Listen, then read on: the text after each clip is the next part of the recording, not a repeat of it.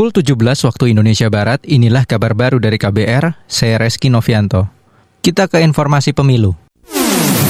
Kabar Pemilu, Kabar Pemilu.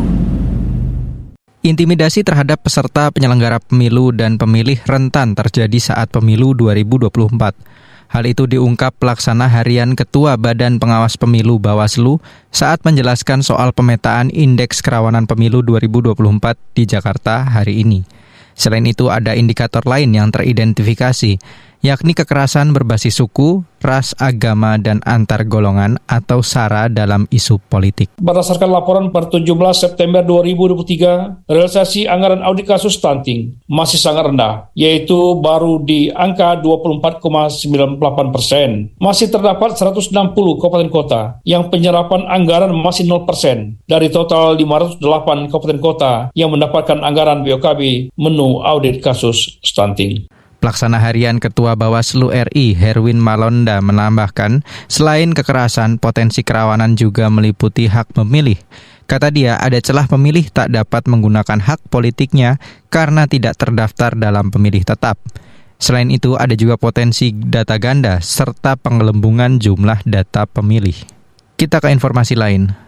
Pemerintah masih menggratiskan biaya perjalanan dengan kereta cepat Jakarta-Bandung KCJB WUS hingga pertengahan bulan ini.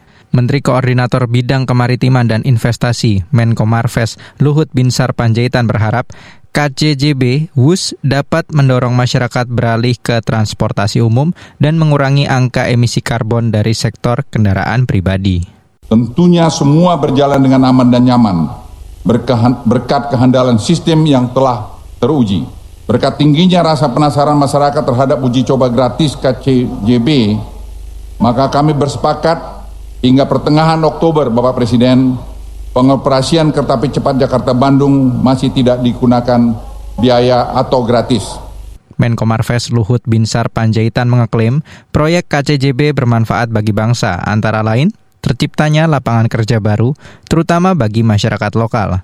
Selain itu, ia menginginkan adanya teknologi transfer yang muktakhir, terutama di bidang konstruksi dan modernisasi sistem perkereta apian. Kita ke daerah. Tim gabungan Aremania Malang, Jawa Timur mendorong pemerintah memenuhi hak-hak korban tragedi Kanjuruhan, salah satunya terkait penegakan hukum terhadap pelaku.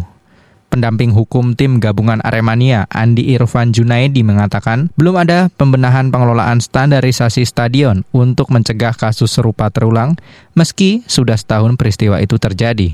Belum, sama sekali belum. Jadi selama setahun ini ya nyaris tidak ada perubahan sikap, tidak ada perubahan pendekatan, tidak ada juga perubahan dalam proses penegakan hukum seperti yang pengelolaan standarisasi stadion, exit plan ketika stadion itu mengalami oh, jumlah penonton yang membuat apakah sarana dan lainnya itu memadai untuk ke sana. Seluruh stadion yang menjadi tempat pertandingan bola itu harus evaluasi, harus ada standar yang yang ketat.